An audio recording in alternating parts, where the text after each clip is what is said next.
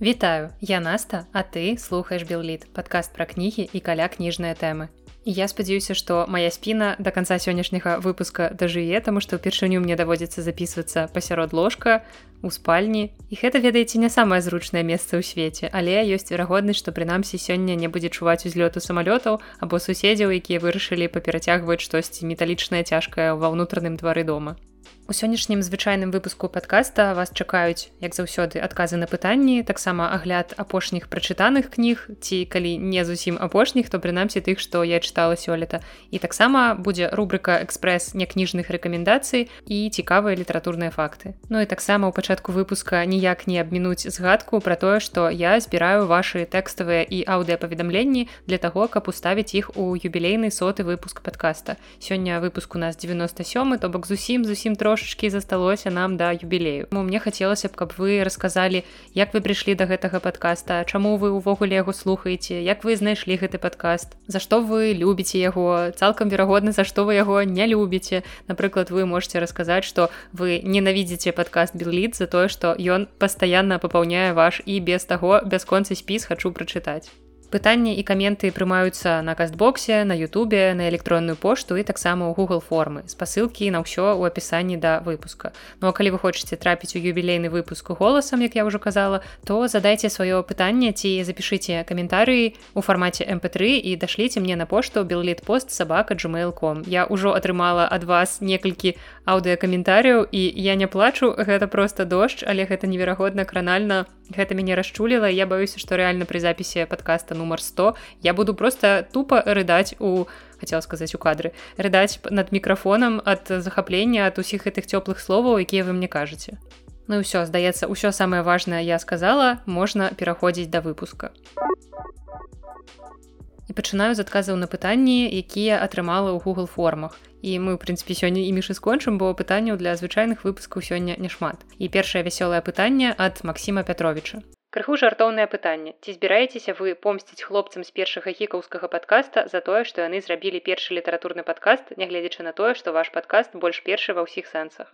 Ведаеце ніша беларускіх літаратурных падкастаў падкастаў пра кнігі на беларускай мове яна ў нас такая абсалютна свабодная што тут пакуль што няма ніякай высокай канкурэнцыі. Я канешне магу самаўпэўнена адказаць што у мяне ўсё роўна канкурэнцыі няма але я просто параю вам паслухаць падкаст под назвай першы літаратурны які зрабілі рабяты з першага гікаўскага падкаста.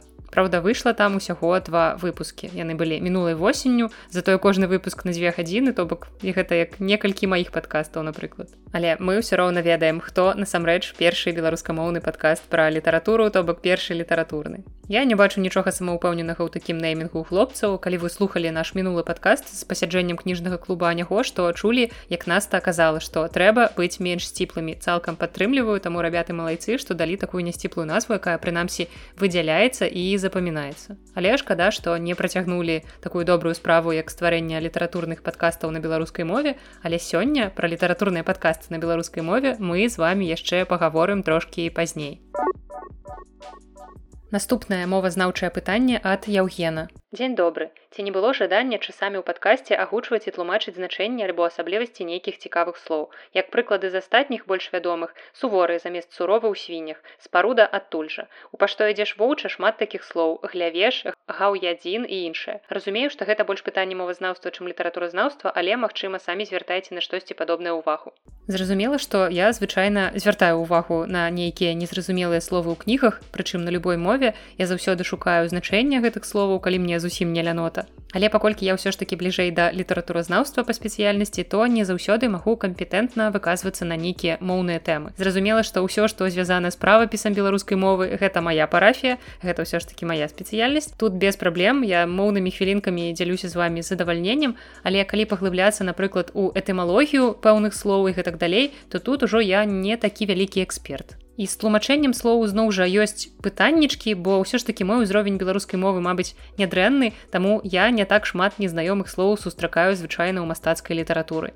Таму тут складана выбіраць нейкія канкрэтныя словы пра іх расказваць то вядома ж калі я чытаю які-небудзь гістарычны роман караткевіча там зразумела лексіка будзе такая што мне даводзіцца там корпацца ў слоўніках. Але ўвогуле складана выбіраць там нейкія канкрэтныя словы пра іх расказваць. Нашмат прасцей калі мне задаюць канкрэтныя пытанні. Вось з вашага спісу я могу магу пра сёе тое расказаць напрыклад вы згадалі слова суровы і суворы наконт якіх могуць сапраўды зараз пабіцца сучасныя беларускія мовазнаўцы. Бо адны з іх лічаць абодва варыянты абсалютна паўнавартаснымі магчымымі для выкарыстання ў беларускай мове. Напрыклад вінсук вячорка вядомы вам мовазнаўца які сам ахвотна ўжывае спрэчны для іншых варыянт суворы Але, напрыклад той жа юрась пацюпа лічыць што гэта слова яно украінізм. Па-украінску гэта суворый. Маўляў Масім богданович калісьці прыцягнуў беларускую мову. Згадаеце яго скандынаўскую песню. Была інге борг як сасонка страйна.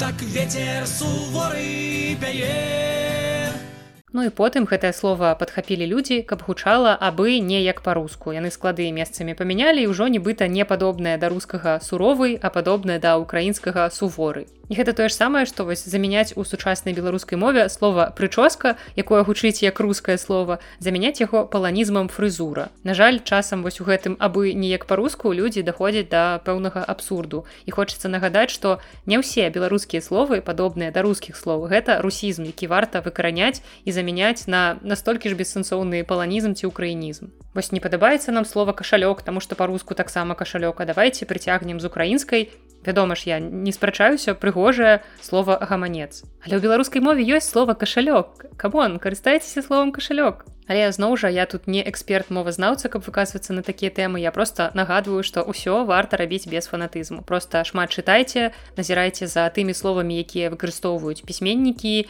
не бойцеся зазіраць у слоўнікі, не падмяняючы гэта вось такім, а моя бабуля ў вёсцы так казала ці не казала. Ваша бабуля ў вёсцы магла казаць што заўгодна, але існуе такая штука як слоўнік. Вось трошачки так эмацыянальна у мяне моўная хвілінка атрымалася. І калі разглядаць ваше пытанне далей, то слова спаруда гэта састарэлае слова, якое выкарыстоўваецца ў дачыненні да нейкага вялікага будынка. І гэта што датычыць незразумелай незнаёмай для вас лексікі з рамана Александра Чарнухі свінні. Дарэчы, па якім я зараз рыхтую адну цікавую штуку, якая будзе заступна для маіх патронаў, але пра гэта таксама пазней. Ну а калі звяртацца да творчасці Евы вежнавец, то там увогуле поўна сакавітай дыялектнай лексікі, якая ўласцівая для роднай аўтарцы мясцовасці гэта любаншчына. Таму абсалютна не дзіўна, што многія словы з яе твораў можна не сустрэць у слоўніку і нават не нагугліць. Вось так я не знайшла значэнні словаў, якія вы паказалі, гэта глявеш і гаўядзін, Магчыма, з кантэкстам было б прасцей. Але калі раптам сярод слухачоў маіх ёсць людзі, якія разбіраюцца, якія ведаюць, што гэта за словы, ці калі Еўген дадасць кантэксты, тады мы разам зможам раскруціць гэтыя моўныя загадкі. Ну і ў любім выпадку, калі у вас у слухачоў будуць узнікаць нейкія падобныя моўныя пытанні, то можете таксама мне іх задаваць. Калі я сама не змагу адказаць, то прынамсі я маю даволі вялікую аўдыторыю і разам мы можам дапамагчы. Наступнае пытанне задаў стас 1984 і калі я атрымала гэтае пытанне я задумалася цікава гэта год нараджэння стаса або гэта адсылка да Джорджа Орвела Ну і паколькі пытанне даволі грунтоўнае то адказ на яго таксама атрымаецца вельмі грунтоўны Вітаю распавядзіце калі ласка наконт аўтарскіх правоў. Я памятаю што вы казалі пра тэрмін дзеяння 50 70 гадоў а ці пераходзяць яны ў спадчыну хто мае права выдаваць творы пасля заканчэння тэрміну дзеяння аўтарскіх правоў? Напрыклад ці мусіць перакладчыкі і выдавецтвы неяк набываць правы на выданне замежных твораў для якіх скончыўся гэты тэрмін у 70 гадоў Тут таксама магу пачаць з таго што я не юрыст але мы праходзілі ва ўніверсітэце гэтую тэму як абарона аўтарскіх правоў. Я не памятаю нават як называўся гэты прадмет але ну ўсё і тое па гэтай тэме магу расказаць паколькі і пазней у сваёй прафесійнай дзейнасці трошкі гэтым цікавілася і гэта той выпадак калі Беларусь у гэтай тэме ідзе паводле свайго уласнага асаблівага шляху. І пачнём мы ўсё ж такі з тэорыі няхай трошкі нуднаватай але даволі патрэбнай. Бо ў адпаведнасці з заканадаўствам Рэспублікі Беларусь аўтарскае права распаўсюджваецца на творы навукі літаратуры і мастацтва якія з'яўляюцца вынікам творчай дзейнасці незалежна ад прызначэння і вартасці твораў а таксама ад спосабу іх выяўлення. І вось у гэтай фармулёўцы сухой мне вельмі падабаецца частка пра незалежна ад вартасці твору то бок якую плухту ты не напісаў яна ўсё роўна абараняецца аўтарскім правам ахоўваецца і аўтарскае права на твор у нас узнікае ў сілу факта яго стварэння для ўзнікнення і рэалізацыі аўтарскага права не патрабуецца выканання якіх-небудзь фармальнасцяў то бок напісаў ты твор і ўсё ён аўтаматычна ахоўваецца законам аб аўтарскім праве. Бо ў нас аўтарскае права распаўсюджваецца як на абнародаваныя то бок неяк надрукаваныя ў выглядзе кнігі напрыклад творы так і на неабнародаваныя творы якія існуюць у якой-небудзь у аб'ектыўнай форме. Гэта можа быць рукапіс машынапіс гэта можа быць запіс нот або таксама калі гэта ты выказаў вусна гэта некае публічнае выкананне прамаўлення калі ёсць нейкі гука ці відэазапіс ёсць малюнак чарцёж гэтак далей. Ну гэта ўжо да кніг не адносіцца або нейкая аб'ёмна-прасторавая форма гэта скульптура макет мадэль і гэтак далей. І таксама электронная або іншая лічбавая форма. То бок усё што выйшла з вашай галавы у нейкую форму неяк набыло нейкую форму не абстрактную. Ўсё гэта ахоўваецца аўтарскім правам. Ну і цяпер ужо звернемся акурат да таго што вас цікавіць найбольш. У нас у беларусі выключнае права на твор дзейнічае на працягу жыцця аўтара і 50 гадоў пасля яго смерці. Звярніце увагу што гэта лічба менавіта 50 і сканчэнне тэрміну дзеяння гэтага выключнага права на твор азначае пераход гэтага твора ў грамадскі набытак. То бок творы якія перайшлі ў грамадскі набытак могуць свабодна выкарыстоўваюцца любой фізічнай або юрыдычнай асобай без выплаты ўзнагароды Пры гэтым павінны выконвацца права аўтарства права на імя і права на недатыкальнасць твора. То бок калі ты ўжо ўзяўся друкаваць твор які ўвайшоў грамадскі набытак ты мусіш захаваць абавязкова імя аўтара ты мусіш захаваць гэты твор цэласным менавіта такім якім ён друкаваўся пры жыцці аўтара якім ён яго задумаў. Ну і яшчэ ёсць адзін такі нюанс што творы якім на тэрыторыі беларусі ахова ніколі не давалася таксама праз 50 гадоў пасля смерти аўтара лічацца тымі што перайшлі ў грамадскі набытак. То бок мы тут не ўлічваем што за мяжой выключнае права на твор дзейнічае не 50 а напрыклад у некаторых краінах 70 гадоў пасля смерти ўсё роўна мы праз 50 гадоў пасля смерти аўтара ўжо можем у беларусі гэты твор надрукаваць гледзячы на тое што у іншых краінах правы аўтарскія все яшчэ будуць дзейнічаць і выключнае права будзе ўсё яшчэ працаваць Ну і зараз міжнародныя нормы аўтарскага права зацверджаныя паводле бернскай канвенцыі па ахове літаратурных і мастацкіх твораў прынятай у 1886 годзе Яна адмініструецца зараз сусветнай арганізацыі інтэлектуальнай уласнасці і да гэтай бернскай канвенцыі мы Беларусь далучыліся ў 1997 годзе. І ў прынцыпе гэтая канвенцыя нібыта мусіць падпарадкоўваць усё мець нейкія агульныя правілы насамрэч паводле канвенцыі ёсць нейкія агульныя нормы, якім краіны, якія далучыліся да яе мусяць падпарадкоўвацца. Але ў пытанні канкрэтных тэрмінаў, напрыклад, тут няма канкрэтыкі. Я так сказала канкрэтных тэрмінаў няма канкрэтыкі, вы зразумелі, што то бок гэта не нейкія канкрэтныя лічбы ёсць а усталяваная мінімальная планка. То бок мінімальны тэрмін дзеяння правоў паводле бернскай канвенцыі 50 гадоў ты можаш мінімум паставіць 50 ты не можаш зрабіць 45 калі ты далучыўся да гэтай канвенцыі але ты можаш паставіць 60 70 80 і гэтак далей. Ну вось Беларусь вырашыла пакінуць 50 гадоў мінімальную планку. У той час як у многіх іншых краінах гэтая планка паднятая акурат да 70 напрыклад у Грузіі Украіне гэта адбываецца менавіта пра 70 гадоў Ну і таксама я вам пакінула ў апісанні да выпуска спасылку на вельмі карысную брашуру, якую падрыхтавала ольга сямашка юрыстка.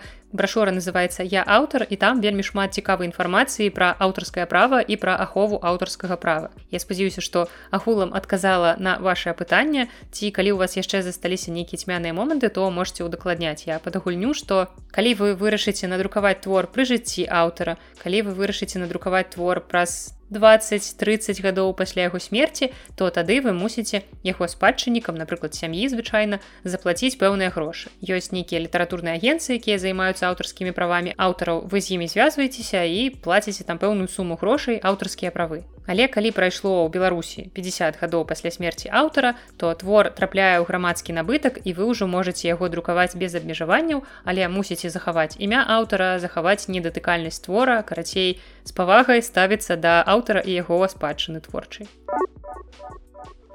І апошняе на сёння пытанне прыйшло ад слухача з нікам душэўны, ён запытвае наконт адной кніжкі, якую я таксама чакаю.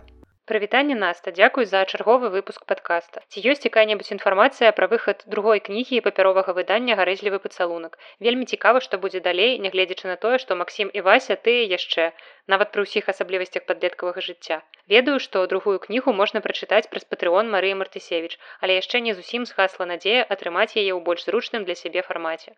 Ці ёсць верагоднасць з'яўлення яе на палічках беларускай кнігарні ў сучасных абставінах. Вялікі дзякуй. Насамрэч наконт працягу гарэзлівага пацалунка у мяне для вас ёсць вельмі добрыя навіны тому что гэтая кніга як вы разумееце ўжо напісаная паколькі аўтарка выкладвае яе на патрыон. І я здаецца больш за палову паспела прачытаць акурат там. І мне таксама як і вам цікава даведацца што ж там адбылося ў канцы чым скончыцца гэты твор. І дарэчы не ведаюць будзе яшчэ нейкі працяг можа трэцяя частка. Але сутнасць у тым что Андрей янушкевич анансаваў выхад гэтай кнігі ў папяровым выглядзе. Праўда анансаваў уже даволі даўно як мне падаецца кніжка трошки за затрымліваецца але літаральна сёння у нстаграме Марыя мартысевич адказвала на каментарый што зусім хутка ўсё будзе выйдзе другая частка гарэжлівага пацалунка таму просто набярыцеся цярпення будзе папяровы асобнік які выйдзе ў выдавестве нушкевич зразумела што гэта будзе ў польшчы Але як вы чулі ў літнавінах Андрэя Нушкевіч анансаваў, што цяпер таксама магчымая дастаўка ўсіх гэтых кніжак у Беларусь. Ён нічога не гарантуе ў тым плане, што што адбудзецца з гэтымі кніжкамі пасля перасячэння беларускай мяжы, вядома толькі беларускім супрацоўнікам пошты, магчыма, нейкім іншым людзям, але не выдаўцу Андрэя Янушкевічу. Карацей можна будзе заказаць гэтую кніжку хутчэй за ўсё і ў Беларусь. Таму проста чакаем і хутка гэтая кніга з'явіцца ў продажы пераходзім да ўласна кніжнай часткі выпуска дзе я раскажу вам пра апошнія прачытаныя творы. Сёння ў нас няма аніякіх падборак агульных тэм. Гэта просто добрыя або вартыя згадкі кнігі якія я прачытала ў апошні час. Мы пагаворым пра дзяцінства вядомага беларускага пісьменніка пра перапрацоўку смецця і пра гукі ў кінематографе. Таксама я вам параю парачку падкастаў адзін фільм і раскажу як любоў да кніг з дзяцінства дапамагае паляпшаць кагнітыўныя здольнасці і псіхічны стан чалавека. І пачнём з адной з навінак альгерда Бахарэвіча яго аўтабіяграфічнай кнігі хлопчык і снег, якую можна лічыць прыквелам да кнігі мае 90 гэтая кніга выйшла сёлета ў выдавестве янушкевич і прачытал я яе літаральна некалькі дзён таму. І зараз будзе невялічкая рэклама майго патрыона каб заахвоціць вас туды подписывацца бо рэч у тым што цяпер на сайте patreon кропка com для ўсіх патронаў ад любой сумы я записываю такія выпускі под назвай патreon спешл что гэта такое? Гэта такі асобны дадатковы выпуск які могуць паслухаць толькі мае патроны. Я пакуль не вырашыла з якой перыядычнасцю ён будзе з'яўляцца магчыма раз ці два на месяц. Гэта насамрэч будзе залежаць ад тых кніг якія я чытаю. І пакуль што гэта выпуск які выходзіць у фармаце чытацкі дзённік я бяру пэўную беларускую кнігу няважна беларускага ці замежнага аўтара але галоўнае каб яна была на беларускай мове. Я гэтую кнігу чытаю і паралельна адначасова адразу ж дзялюся з вами уражаннямі нейкімі думкамі якія з'яўляюцца ў галаве падчас чытання. Мне вельмі падабаецца такі фармат на Ютубе калі блогеры записываюць асобнае відэа перыядычна подключаюцца падчас чытання нейкай кнігі і вось чагосьці падобнага менавіта ў падкастах я не чула. Але я подумала што ў фармат аўдыа у прынцыпе такая задума даволі добра кладзецца. І ў першым жа выпуску я чытала кнігу бахарэвіча хлопчык і снег я чытала яе некалькі дзён у розных месцах так што часам на фоне вам там трапяцца гукі будапешта цягнікі вада людзі і гэтак далей. І першы выпуск атрымаўся на гадзіну 20 хвілін і такім чынам я просто хачу аддзячыць тым людзям якія падтрымліваюць мяне на патрыоне Так што калі я вас зацікавіла, то пераходзьце па спасылцы ў апісані да выпуска на сайт patreon кропка.com, выбірайце любую суму падтрымкі майго падкаста і штомесяц атрымлівайце яшчэ больш падкаста Белліт. Увогуле пра гэтыя кнігі я таксама буду расказваць і ў звычайных выпусках для ўсіх слухачоў, але ўжо больш сцісла ў рамках свайго звычайнага агляднага фармату. Вось акурат як цяпер. Сёння расказ пра кнігу Альгерда Бахарэвіча ў мяне зойме, магчыма 15-20 хвілін, а ў патронаўскім спэшле я размаўляю пра яго гадзіну 20 ну вядома ж там не ўсё пра кнігу там ёсць нейкія асабістыя моманты Але агулам я атрымала на патрыоне ад вас цудоўныя каментарыі наконт такога выпуска, таму буду працягваць. Ну а цяпер звернемся да кнігі хлопчык і снег, пра якую я раскажу сцісла. І гэта аўтабіяграфічны твор, які Бахарэвіч пісаў у 2020-21 годах у Беларусі і ў Аўстрыі. І ён заканчваў пісаў апошнюю главу ўжо ў аўстрыйскім грацы і кніга яшчэ тады мелася выйсці ў Беларусі. А потым здарылася тое, што здарылася і яна пабачыла свет толькі сёлета ў выдавестве Янушкевіч у Польш польшчы і калі ў маіх 90-х мы назіралі працэс сталення подлетка ўжо свядомага беларускамоўнага з пэўнымі амбіцыямі наборам ведаў пра свет наборам нейкіх установак то тут мы сочым акурат за развіццём альгерда бахарэвича на той момант яшчэ олега бахарэвича ад яго нараджэння ў 1975 годзе і да падлеткавых гадоў І з гэтай кнігі мы даведаемся гісторыю сям'і бахарэвічаў не вельмі далёкую гэта бабулі дзядулі бацькі малодшы брат. І бахарэвіч увогуле ў гэтай кнізе шмат разважае на тэму сям'і важнасці роду ён задумваецца над пытанням выхавання дзяцей.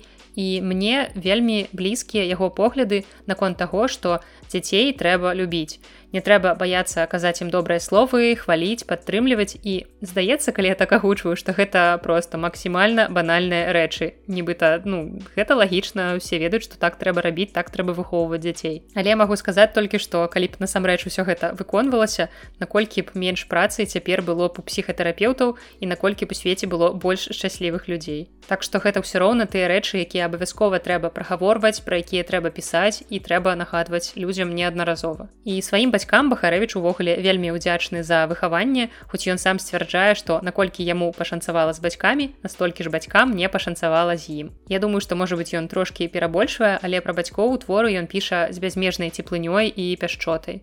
Кожны бацькоўскі дом маленькі музей тваёй нявіннасці і вінаватасці эпохі Ну вось баялася ў пачатку выпуска за стан сваёй спіны, а цяпер у мяне пачынаюць зацікаць ногі. трэба было падумаць пра ногі, таму я перамясцілася ў больш зручнае становішча, але працягваю свой падкаст. І ўвогуле Бахарэвіч выхоўваўся ў вельмі інтэлігентнай атмасферы, што нават дзіўнавата для хлопца, які жыў у дражні ў шабанах, асабліва ў шабанах, калі вы ўяўляеце, што гэта за раёны. І як чалавек, які быў выхаваны серабранкай і правёў значную частку жыцця на шарыках на ангарскай, я разумею, як можа быць складана не паддацца гоп гопніцкім спакусам гэтых раёнаў. Вядома ж я кажу пра гэта ўсё з іроніяй пры ўсёй маёй любові павазе да каларыту атмасферы гэтых месцаў. Але калі вы хоць раз былі ў гэтых раёнах асабліва ў шабанах то вы мусіце ўяўляць вось тое што апісвае альгерт бахарэвіч апісвае як ён выглядаў як ён сябе паводзіў і наколькі гэта не стасуецца з тым месцам у якім ён быў вымушаны жыць. Ну і акрамя бацькоў яшчэ адзін важны персанаж які непасрэдна ў кнізе не з'яўляецца бо на момант пачатку падзей кнігі яе яшчэ ў прыродзе не было а далей пакуль што не было проста ў жыцці бахарэві Бахарэвіча. І гэты персанаж гэта яго жонка,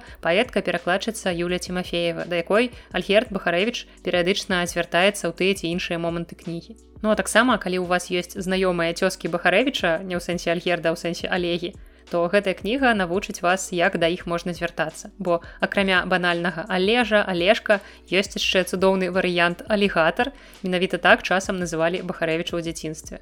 І ён піша што яго так ласкава дражнілі але мне падаецца што проста ў кожнага сваё разуменне ласкавага. Ну акім бахарэвіч марыў стаць у дзяцінстве я вам спойлерыць не буду але вы будете здзіўленыя. Ніякіх папсовых касманаўтаў міліцыянераў нават пісьменнікам ён марыць не стаў. А вось іншая рамантычная і вельмі патрэбная грамадству прафесія у яго фантазіях акурат была. Я вас заінтрыгавала вось цяпер чытайце ўсю кнігу каб даведацца адказ што ж гэта за працы мары такая ў бахарэвіча была. Але зноў жа чытаючы гэтую кнігу як і мае 90 калі я чытала і здзіўлялася як шмат у нас з бахарэвічам агульнага і гэта вельмі прыемна. Прычым агульнага не толькі ў нейкім светапоглядзе нейкіх думках але і ў тым як праходзіла наша дзяцінства. Хаця яго дзяцінства пачыналася ў 70 а я нарадзілася ў 93 О, гэта тое, што я люблю больш за ўсё на свеце, быць аднаму, есці і чытаць.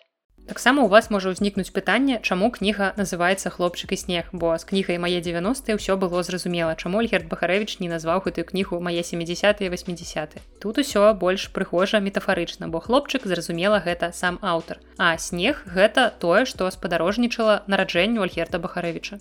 Адкуль ім было ведаць, што ўнутры мяне ідзе снег. Кожны дзень і кожную ноч і я адчуваю, як ён падае недзе там под сэрцам.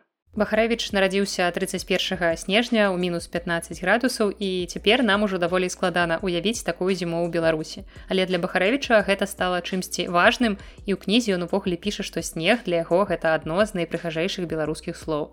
Холад і мяккасць стыхіі, з якіх я зроблены. Усе людзі, якіх я сустракаў у сваім жыцці, усе, хто меў са мной блізкі кантакт, дзівіліся майму спакою. Я хутка знаходзіў сяброў і страчваў, бо большасць з іх не разумела майго нежадання па-сапраўднаму збліжацца. Не разумела, чаму натыкаецца ў гэтым сяброўстве на дзіўны неадольны бар'ер. Не разумела, чаму мне не цікава з імі, бо я заўжды паводзіўся з людзьмі мякка, ветліва і карэктна. Я ўмеў слухаць і спачуваць. Са мной немагчыма было пасварыцца. Развітанне з тымі, хто падыходзіў надта блізка, адбывалася неяк само сабой, і я бачыў на іхных тварах неўразуменне, што здарылася. Проста снег. Ізноў жа я магу ставіць птушачку наконт таго наколькі мы падобныя з альгертам пахарэвічам у пэўных рэчах. Я таксама ненавіджу канфлікты. Я абсалютна не канфліктны чалавек які не любіць спрачацца. Са мной немагчыма пасварыцца. Я просто супер спакойная як удаў заўсёды. Я стараюся як мага далей адыходзіць ад усіх магчымых сварак спрэчак канфліктаў і гэтак далей просто максімальна ўсё гэта абмінаць. Такая вось траўма дзяцінства. Але вернемся да альгерда бахарэвіча і снегу бо прынамсі слова снег ён можа добра вымавіць правільна і з прыемнасцю бо ў ім няма гэтага чортава як яго называе бахарэвіч гука р паколькі альгерд бахарэвіч мае такую асаблівасць маўлення як картавасць якая дадае яму асаблівага шарму. І выпуску для патронаў я ўжо казала, што мне ўсе гэтыя чалавечыя маўленчыя недасканаласці вельмі даспадобы. Я люблю і картавасць і шапелявасць і ўсё астатняе і хоць у мяне здаецца ў самой з дыкцыяй ўсё ў парадку не было ў дзяцінстве таксама ніякіх праблемаў я здаецца заўсёды просто нармальна размаўляла. Але чамусьці вось гэтыя разыначкі чалавечыя ўмаўленні мне вельмі падабаюцца і дарэчы па гэтай кнізе можна прасачыць той самы працэс станаўлення алега бахарэвіча і яго ператварэння ў альгерта бахарэвіча. Бо падлеткавыя гады гэта час знаёмства з музыкай у прыватнасці з беларускай музыкай праз якую альгерт бахарэвіч і прыйшоў да беларускай мовы. А які менавіта беларускі гурт стаў для гэтага каталізатарам вы даведаецеся калі прачытаеце кнігу. Або калі паслухаеце мой патронаўскі спешл і важнае пытанне якое могуць задаць чытачы перад тым як брацца за гэтую кнігу ці трэба быць знаёмым з творчасцю альгерда бахарэвіча каб чытаць яго аўтабіяграфічныя творы. Вось гэты твор і мае 90 і адкажу што зусім не абавязкова таму што гэты твор можа быць проста цікавы як помнік эпохі. Гэта гісторыя пра канец 70-х пра 80 вачыма сталічнага хлопчыка марсіяніна алега які ўсё бачыць што адбываецца ў краіне і свеце і няхай яшчэ не ўсё вельмі добра разумее але ўжо па-свойму інтэрпрэтуе каб потым калі ён вырасце стане знакамітым беларускім пісьменнікам альгертам бахарэвічам адным з самых забароненых у беларусі калі не самым забароненым каб творча перапрацаваць усе гэтыя дзіцячыя ўспаміны і назіранні і напісаць нам такія цудоўныя кнігі. Дзеці заўсёды жывуць у сваёй уласнай эпосе. Паэты у той што яшчэ не надышла. Гісторыкі у любімай. А дыктатары і тыраны ў даўно пра мінулай. А далей мы пераходзім да кнігі, якая трошкі мае надзеі не апраўдала і можна нават сказаць, што назвай яна мяне падманула. І агулам я не шкадую, што яе прачытала, але разумею, што гэта трошкі не тое, чаго я чакала. Гэта нон-фікшн ад амерыканскага журналіста і сына уладальніка прыватнай звалкі Адама Мінтера под назвай планета свалак путешествие по многомільярднай індустрыі мусора.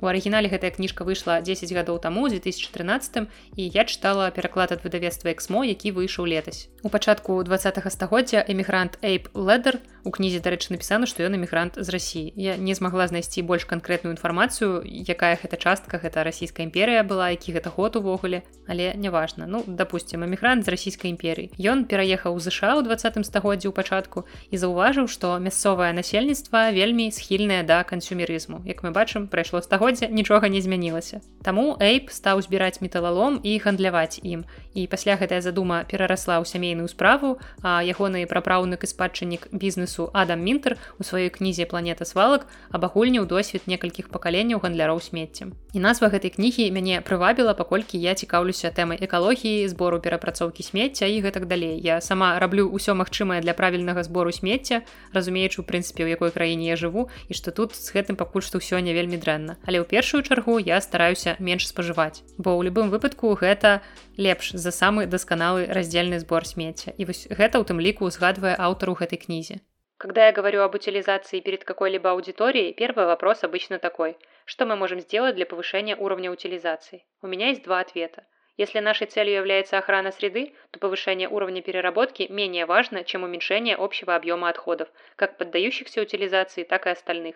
Переработка часто всего лишь средство немного дальше отодвинуть окончательную отправку в мусор. Бо нягледзячы на тое, што перапрацоўка ўсё ж такі важная штука, яна дапамагае зберагчы рэсурсы, яна прадухіляе экалагічныя катастрофы, але яна не з'яўляецца выхадам. Хутчэй яна дапамагае захаваць узровень спажывання, а гэта значыць і ўзровень забруджвання на ранейшым узроўні, а часам нават яго павялічвае, бо аўтар прыводзіць такі цікавы эксперымент у прыклад, у выніку якога людзі выкарыстоўвалі яшчэ больш папяровых ручнікоў, калі ведалі, што іх перапрацуюць. Бо яны нібыта неусвядомлена апраўдвалі празмернае спажыванне, станоўчымі аспектамі перапрацоўкі. Абсалютна ігнаруючы такія негатыўныя фактары як выдаткі вады энергіі для таго каб рэч здабыла другое жыццё. Бо перапрацоўка яна таксама як і выраб новай рэчы ўсё роўна патрабуе ресурсу і перапрацоўка гэта проста спосаб адцягнуць непазбежнае бо напрыклад паперу можна перапрацоўваць абмежаваную колькасць разоў а электронную тэхніку ўвогуле можна перапрацоўваць толькі часткова некаторыя дэталі не перапрацоўваюцца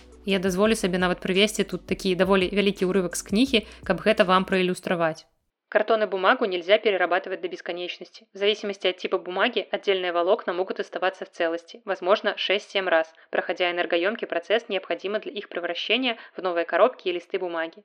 Многие пластмассы могут выдержать всего одну процедуру переработки, оказываясь в итоге не подлежащими утилизации вещами, пластиковым мусором на заднем дворе. Вось акурат тое, што я згадала раней папера літаральна некалькі разоў перапрацоўваецца і ўсё далей гэта ператвараецца проста ў смеце, якое ляжыць. А пластык нават адзін раз не заўсёды перапрацоўваецца. І далей аўтар піша яшчэ пра металы, бо металы гэта ўвогуле даволі складаная штука.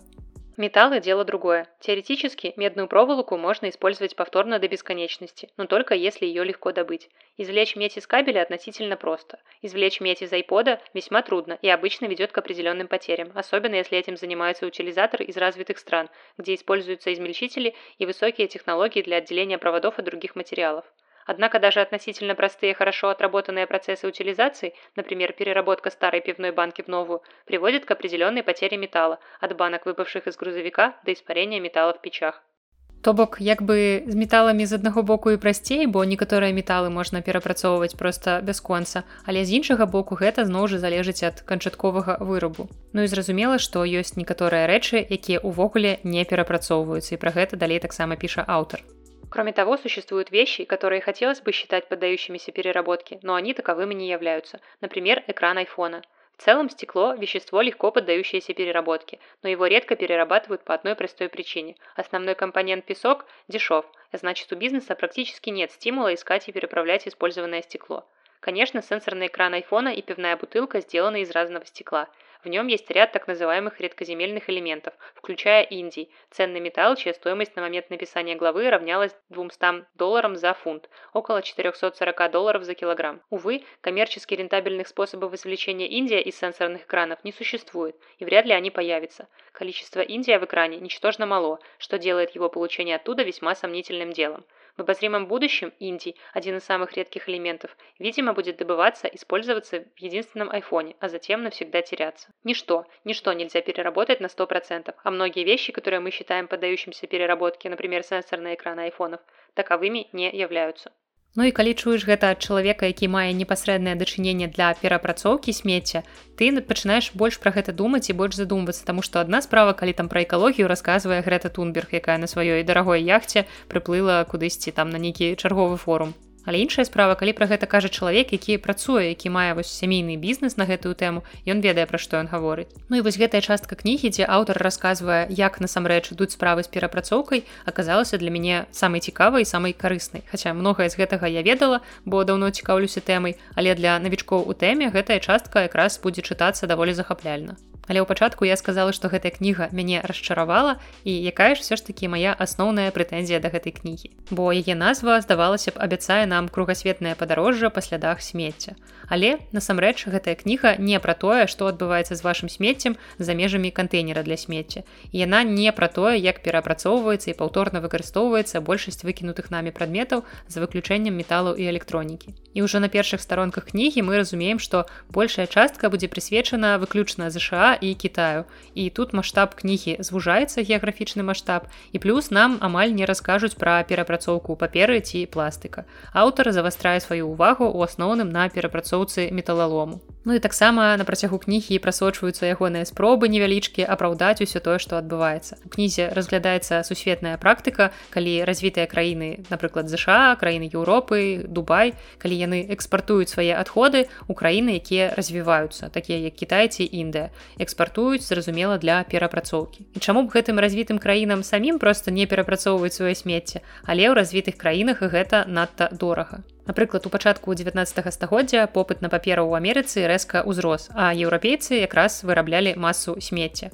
Таму прадпрымальныя амерыканскія вытворцы паперы і прадпрымальныя гандляры анучамі зрабілі цалкам сучасны вельмі такі выбар, як мы робім. Яны звярнуліся па сыравіну да больш марнатраўнай эканомікі віктарыянскай Еўропы. Тыя больш гэтага спажывалі, а амерыканцы маглі гэта перапрацаваць, у іх адчуваўся ў гэтым недахоп. Таму тут все склалася вельмі гарманічна. Але ў нашы часы краіны памяняліся ролямі цяпер смецце купляе перапрацоўвае Кітай, які стаў галоўным імпарцёрам металалому ў свеце. Але па сутнасці сёння Кітай проста спажывае адкіды краін, якія развітыя і адпаведна смецце ў іх пастаянна расце. То бок ЗША спажывае ўсё больш і больш, гэта ўсё ідзе ў Кітай, атрымліваюць у Кіtaі ёсць рабочыя месцы, зарплаты іх і так далей. Увогуле, калі так паглядзець, то перадача смецця ў Кіта іншыя краіны, якія развіваюцца гэта даволі добра, бо амерыканцы гэтую працу выконваць не хочуць. У той час у свеце ёсць кітайцы, сярод іх шмат здольных людзей, якія хочуць выконваць гэтую працу, якім трэба утрымліваць свае сем'і. Але вядома ж, ёсць у перапрацоўкі ў такой працы свой негатыўны бок, напрыклад, жахлівая карціна ў горадзе Вань-ань,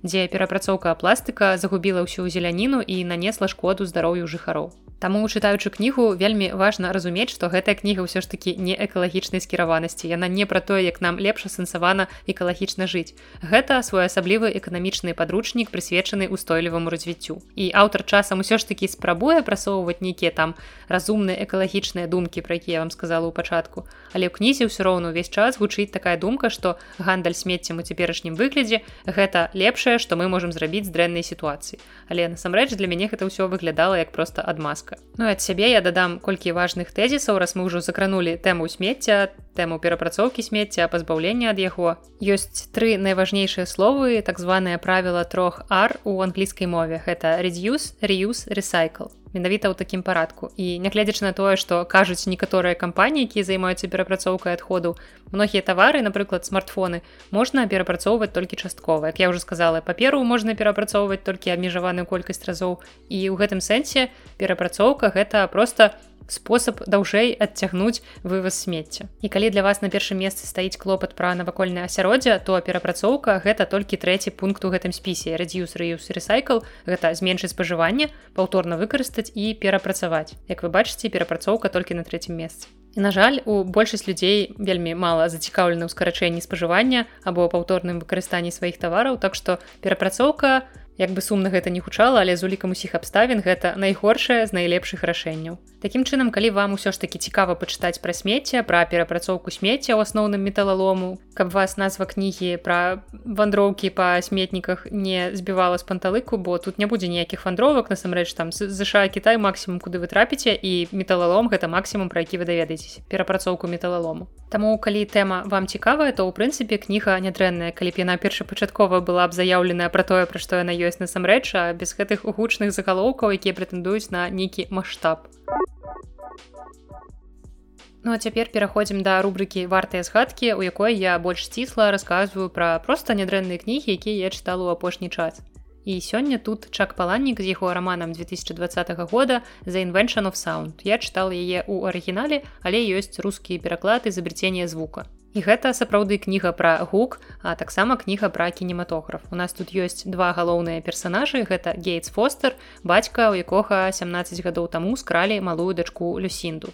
І ён так і не змог жыць далей. Яго свет просто разваліўся пасля гэтага. Ён забіты хорам ён апантаны ён залежны ад сваіх успамінаў пра дачку. І ён гатовы плаціць і патураць фантазіям якія падтрымліваюць жыццё дачкі ў яго свядомасці Ну і у пошуках дачкі ён трапляе ў небяспечныя і няёмкія сітуацыі У тым ліку сутыкаецца з педафіламі, якія разбэшчваюць маленькіх дзяцей. А другая гераіня твора гэта міцы Айфс, яна жыве ў Халівудзе і працуе ў кіно. І яна спецыяліст па фолі. І не пужайцеся, я таксама не ведала, што гэта такое, бо фолі нам больш вядома пад простай назвай шумавыя ці гукавыя эфекты. Гэта штучныя гукавыя эфекты, якія выкарыстоўваюцца ў кінавытворчасці. Бо я думаю, вы ведаеце, што многія гукі, якія мы чуем у кіно, якія нам падаюцца вельмі рэалістычнымі, яны насамрэч зробленыя часам вельмі нечаканым чынам напрыклад трэск кастра можна дасягнуць з дапамогай сціскання газеты ці пакета а нячастыя кроплі дажджу гэта стук пальца па жалезе. Бо у рэальнасці сапраўдны гук бывае вельмі часта складана запісаць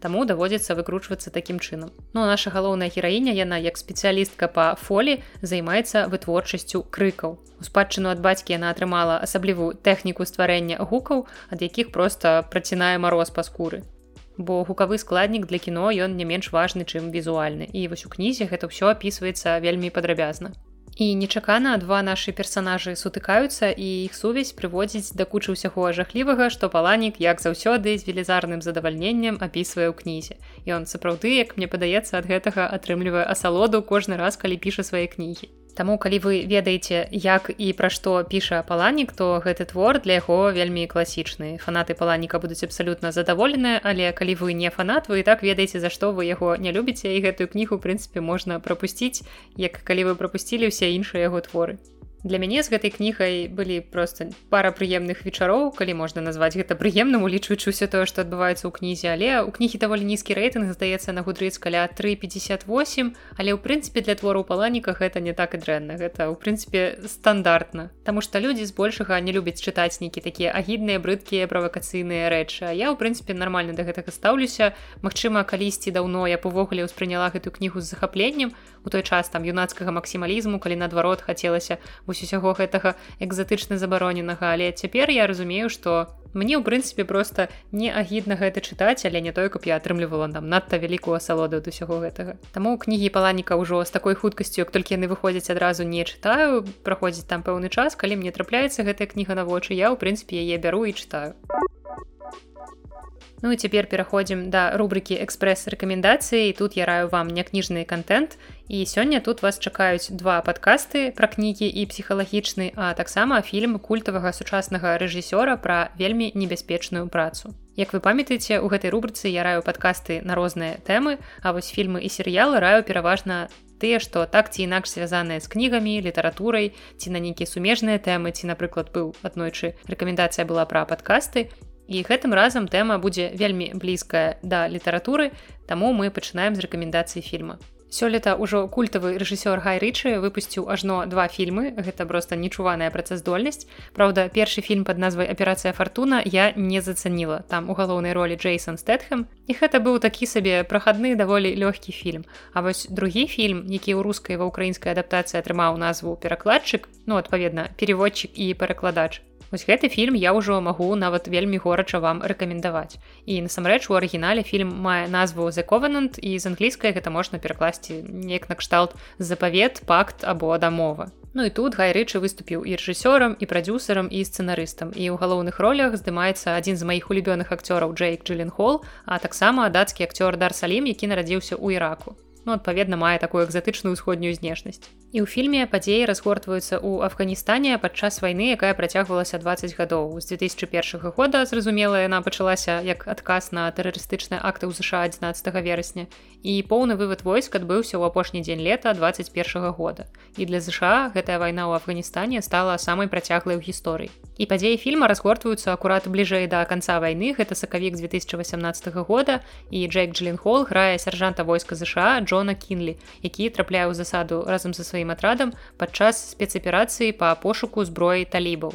І чаму я ў пачатку сказала, што гэта фільм пра вельмі небяспечную прафесію, я не мела на ўвазе вайскоўца, я мела на ўвазе трошкі іншых людзей. Рэч у тым, што амерыканцам для таго, каб неяк камунікаваць з мясцовымі ў Афганістане патрэбен быў перакладчык. Менавіта перакладчык акураты стаў той самай небяспечнай прафесіяй. І акцёр дар салім якраз грае ролю гэтага мясцовага ахмеда які супрацоўнічае з амерыканцамі і тлумачыць гэтае супрацоўніцтва тым што яму проста патрэбныя грошы. Ну вельмі банальная сітуацыя часцей за ўсё менавіта так і адбывалася. І падчас той аперацыі ў жывых акурат застаюцца толькі Джон і ахмед. І гайрычы мне падаецца нібыта спецыяльна падбіраў галоўных персонажаў самымі простымі распаўсюджанымі імёнамі Джон і ахмед Падчас спецаперацыі перакладчык ратуе жыццё амерыканскаму салдату, але аказваецца, што ў яго біяграфіі не ўсё так проста і грошы гэта не самае галоўнае ў яго працы. Усе астатнія падрабязнасці вам раскрыюцца падчас прагляду, не буду тут спойлерыць. І я разумею, што цяпер у нас такія часы, што глядзець фільмы пра вайну, нават пра тую што нібыта скончылася. Гэта не самае прыемнае. Сама разумею я чытаць кнігі пра вайну напрыклад не вельмі люблю у любы час. Але гэты фільм ён сапраўды вельмі моцны і варты прагляду. Ён раскрывае наколькі небяспечнай можа быць праца перакладчыка. Асабліва калі гэта перакладчык у афганістане. Мне падаецца у афганістане нават проста жыць нікім не працуючы гэта даволі складаная задача. І мяне канчаткова дабіў проста фінальны маналог фільма у якім расказвалася што пасля паўторнага захопу афганістана талібамі больш за 300 афганскіх перакладчыкаў звязаных з узброенымі сіламі ЗША былі забітыя талібамі і яшчэ тысячы ўсё яшчэ працягваюць хавацца і гэты фільм надта сур'ёзны нават палітызаваны ў адрозненне ад гэтага папярэдняга легкаважнага аперацыя фартуна і гэта проста чыстая ваенная драма. Для мяне гэты фільм адназначна трапляе ў топ фільмаў гая рычы вельмі вартая навінка таму моя шчырая гарачая рэкамендацыя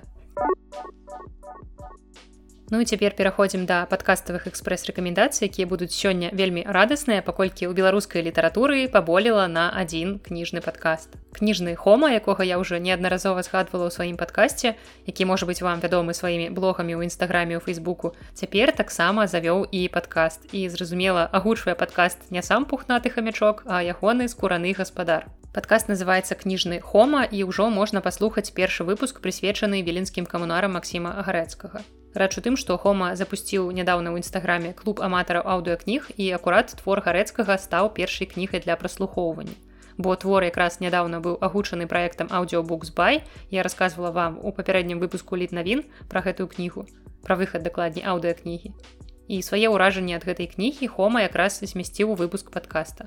Падкаст пакуль што можна паслухаць толькі на пляцоўцы Мэйв Digital і таксама здаецца сёння я бачыла, што Хома завёў YouTube. Але хутка падкаст з'явіцца таксама на іншых пляцоўках, таму пакідаю вам спасылку ў апісанні да выпуска і віншую хому з такім пачаткам і зычу поспехаў, бо мне заўсёды вельмі радасна, калі з'яўляюцца па-беларуску новыя чарговыя літаратурныя падкасты. Таму што больш літаратурных падкастаў богу літаратурных падкастаў. Ну і другі падкаст у сённяшнім выпуску ён пра псіхалогію і ён па-украінску. Ён называецца простымі словамі. У падкаста ўжо больш за 100 выпускаў і за гэты час, як я паглядзела, ён прайшоў пэўныя трансфармацыі. Бо я іх услухаю зусім нядаўна, так што для мяне пакуль што ёсць два вядучыя падкаста. Гэта пісьменнік Марк Лівін і псіхатэрапеўт і для палудзённы. Яны абмяркоўваюць складаныя псіхалагічныя тэмы, сапраўды абмяркоўваюць іх простымі словамі з добрым пачуццём гумару. Далей я бачыла, што ў іх там нейкія былі спецсезоны, спецсезоны прысвечаны вайне і тым як спраўляцца з гэтым таксама там змяніліся вядучыя, але пакуль што у мяне так я праслухала можа быць літаральна 5 выпускаў і як я увогуле вызначаю, што падкаст па псіхалогіі ён добры і без вады. Я лічу падкаст добрым, калі я записываю сабе пэўныя высновы з яго нейкія факты, дзялюся гэтымі цікавымі фактамі з блізкімі. І вось з гэтага падкаста я нават записывала блізкім урыўкі з жартамі, бо абодва вядучыя маюць класнае пачуццё пачуццё гумару. У першых выпусках пісьменнік гаворыць па-украінску, а псіхатрапеўт па-руску, але наколькі я там прагартала наступныя выпускі, падкаст потым стане цалкам украінскім, калі раптам для вас гэта важна. Вось такая моя рэкамендацыя падкаст простымі словамі, падкаст пра псіхалогію. Ну і скончым сённяшні выпуск мы цікавай літаратурнай гісторыі, якіх, як мне падаецца, у падкасці даўно не было, хаця гэта бліжэй не да нейкіх літаратурных фактаў, якія вам часта расказвала раней, а бліжэй да літаратурных навін. Бо ў ліпені гэтага года у часопісе Psychological Medicine было апублікавана даследаванне, пераклад назвы якога гучыць прыблізна неяк так. Чытанне для задавальнення ў раннім дзяцінстве, сувязь з лепшымі кагнітыўнымі здольнасцямі, псіхічным дабрабытам і структурай мозгу ў падлеткавым узросце. І калі падсумаваць гэтае даследаванне, праведзенае на 10 тысячах амерыканскіх дзяцей, то можна сказаць, што любоў да чытання ў раннія гады жыцця паляпшае псіхічнае здароўе ў падлеткавым узросце бо ў дзяцінстве падлеткавым узросце наш мозг пастаянна развіваецца. Таму гэты перыяд вельмі важны для фарміравання когнітыўных функцый і забеспячэння добрага ментальнага здароўя. Аднак да гэтага часу не было ясна які ўплыў калі ён увогуле нейкі ёсць аказвае заахвочанне дзяцей да чытання які ўплым гэта аказвае на развіццё іх мозгу. Ну а таксама на апазнанне на псіхічнае здароўе ў больш познім узросце. І для гэтага каманда вучоных з Великабрытаніі і Китая вывучыла даныя каля 10 тысяч амерыканскіх падлеткаў, прааналізаваўшы у тым ліку вынікі когнітыўных тэстаў і сканіравання мозгу. І даследчыкі параўналі маладых людзей, якія пачалі актыўна і задавальненнем чытаць у адносна раннім узросце, гэта недзе ад там двух до 9 гадоў, яны параўналі іх з тымі хто захапіўся чытаннем пазней ці тых хто ўвогуле не развіў любоў да кніг. Ну і таксама дадаткова ўлічваліся іншыя важныя фактары у прыватнасці сацыяльна-эканамічны статус дзіцяці Усяго ў даследаванні прынялі ўдзел 10 243 чалавекі і крыху менш за палову гэта 48 процентаў амаль не чыталі кнігі для задавальнення або пачалі гэта рабіць у параўнальна познім узросце.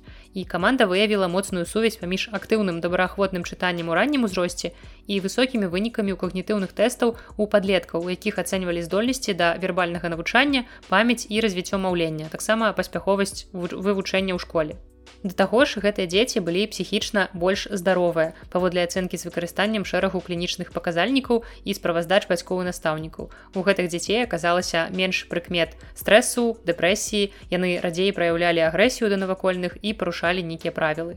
І што цікава, такія падлеткі былі менш гаджетазалежныя, яны радзей глядзелі тэлевізор, не так часта карысталіся планшетам або смартфонам і, як правіла, даўжэй спалі. Вынікі сканавання мозгу паказалі, што ў чытачоў двукосці плошча кары і аб'ёмы мозгу былі параўнальна большыя, чым у нечытачоў. І гэта ў тым ліку тычылася тых абласцей, якія адыгрываюць ключавую ролю ў когнітыўных функцыях, а таксама звязаны з паляпшэннем псіхічнага здароўя, паводзін і увагі. І аптымальная колькасць чытання ў дзяцінстве складала каля 12 гадзін у тыдзень, гэта значыць недзе дзве гадзіны штодня нават трошкі менш. І ў заключэнне навукоўцы заклікалі бацькоў рабіць усё магчымае, каб абудзіць радасць чытання ў сваіх дзецях у раннім узросце, бо гэта можа аказацца карысным у дарослым жыцці. Праўда, яны не патлумачылі, не дапамаглі бацькам, як гэта можна зрабіць, Таму што лёгка сказаць, захвочвайце сваіх дзяцей да чытання, але як гэта зрабіць гэта загадка. Ніхто не можа даць нейкага рэцэпту, нейкіх дакладных крокаў, якія трэба выконваць, каб гэтага дасягнуць. Нават я чалавек, які вырас з любоўю да кніг, я навучылася чытаць у тры гады і чытала ўсё жыццё і ўсё роўна мне вельмі цяжка сказаць, што на гэта паўплывала. Магчыма, гэта тое, што мяне неяк свядома навучылі чытаць так рана, або на гэта паўплывала тое, што дома заўсёды была вялікая колькасць кніг. Або гэта звязана з тым, што я бачыла, як чытаюць мае бацькі, для мяне гэта было чымсьці натуральным, дома заўсёды чыталі і таму я таксама цягнулася да чытання. Або гэта можа быць звязаным з тым, што у мяне не было сяброў і мне не заставалася нічога іншага, як чытаць кнігі, бо ў маім дзяцінстве яшчэ не было інтэрнэту, тэлевізор быў не такі цікавы і як бы шмат глядзець яго мне не дазвалялі. Тут мільён складнікаў можа быць канешне наконт не было сяброў гэта я умоўна жартую але ў прынцыпе у дзяцінстве літаратура для мяне была такім своеасаблівым спосабам эскапізму я ўсё роўна гуляла ў двары у мяне былі сябры ў дзяцінстве але чытаць все ж таки мне падабалася трошки больш чым камунікаваць людзьмі Таму я таксама не маю нейкага універсальнага рэцэпту. Я не ведаю што я буду рабіць калі ў мяне з'явяцца дзеці як я буду прывіваць ім любоў да чытання ці трэба гэта ўвогуле рабіць ці пусціць усё на самацёк. Гэта вельмі складана. Калі пачынаю задумвацца пра гэта мяне нейкі экзістэнцыйны жах ахоплівае. А што раптам калі мае дзеці вырастуць без любові да кніг? Што што рабіць? Можа быть мне на зло вось маці чытае а, а мне на зло яны будуць рабіць нешта адваротнае. Я не магу. І гэтыя думкі ў мне выклікаюць толькі паніку Таму я просто пакіну спасылку на арыгінальны тэкст даследавання вам у апісанні раптам хтосьці з вас захоча пазнаёміцца. Ну і калі для вас ужо момант упушчаны, пачынаць чытаць у прынцыпе ніколі не позна, але ну я ж не думаю, што мой падкаст слухаюць людзі, якія зусім не чытаюць. Інакш навошта які сэнс мяне слухаць просто не ведаю дзеля голасу ці дзеля яшчэ чагосьці. Але калі вы лічыце, што для вас момант упушчаны, вы можете не ўпусціць момант з вашымі дзецьмі. Але зноў жа я як чалавек, які актыўна чытае з трох гадоў, заўважаю, што гэта ўсё ж такі больш уплывае прынамсі ў маім выпадку уплывае пераважна на когнітыўныя здольнасці, чым на нейкае ментальнае здароўе. І тут у мяне такі трошкі нервовы смешок прорываецца. Такі насычаны і разнастайны сёння ў нас атрымаўся выпуск, які я адразу іду манціраваць для таго, каб мае слухачы на патрыоне атрымалі яго першымі сёння ж у той жа дзень, калі я яго записываю на некалькі дзён раней, чым яго атрымліваюць у суботу усе астатнія. Таму зноў жа калі вы шукалі нагоды падпісацца на мой патрыон вось акрамя патронаўскіх спэшлаў якія я цяпер запусціла ёсць яшчэ такая фішачка плюшачка што вы атрымліваеце і звычайныя выпускі падкаста трошкі раней чым астатнія спасылка на патрыон і ўсе астатнія магчымыя спосабы падтрымкі майго падкаста будзе ў апісанні да гэтага выпуска. І там жа вы знойдзеце ўсё пра што я сёння гаварыла ўсе патрэбныя карысныя спасылкі на кнігі на даследаванні на фільмы падкасты і гэтак далей. Ну і часам я анансую што вас чакае ў падкасці далей. Ужо хутчэй за ўсё наступны выпуск 98 будзе прысвечаны венгерскай літаратуры як я абяцала. Выпуск які я пастараюся максімальна каларытна запісаць на берагах ракі дунай каб вы чулі гэты плёскат вады Мачыма нейкія шумы горада. Ну і спадзяюся што ўсё атрымаецца. Я зразумела што вам падабаецца ў прынцыпе такія выпускі дзе не проста нейкая цішыня вакуум вакол мяне а ёсць штосьці жывое. Як мне падаецца, якасць гуку атрымліваецца даволі нядрэннай. У прынцыпе староннія шумы асабліва не перашкаджаюць. Канешне калі ж гэта не вецер які просто шалёна дзьмеў мікрафон спадзяюся што такога не будзе таксама нагадаю што вам трэба рыхтавацца да новага чарговага пасяджэння кніжнага клуба анягош у якім мы будзем абмяркоўваць кнігу янкі брыля ніжнія байдуны Можа быць гэтае пасяджэнне адбудзецца якраз 99 выпускам або 101 Ну і сотым выпускам як вы памятаеце будуць адказы на пытанні. Гэта будзе юбілейны святочны выпуск подкаста Я ніколі не думала што дажыву да такой страшнай лічбы 100 падкастаў. І што далей я пакуль што не ведаю. Не ўяўляю ці існуе увогуле жыццё пасля сотні выпускаў подкаста Але ж нешта будзе і гэтае нешта абавязкова будзе добры бо як бы як інакш уключаем пазітыўнае мысленне настройваемся на пазітыўныя аптымістычныя вайбы і на сёння гэта ўсё з вами была наста і падкаст белвід да сустрэчы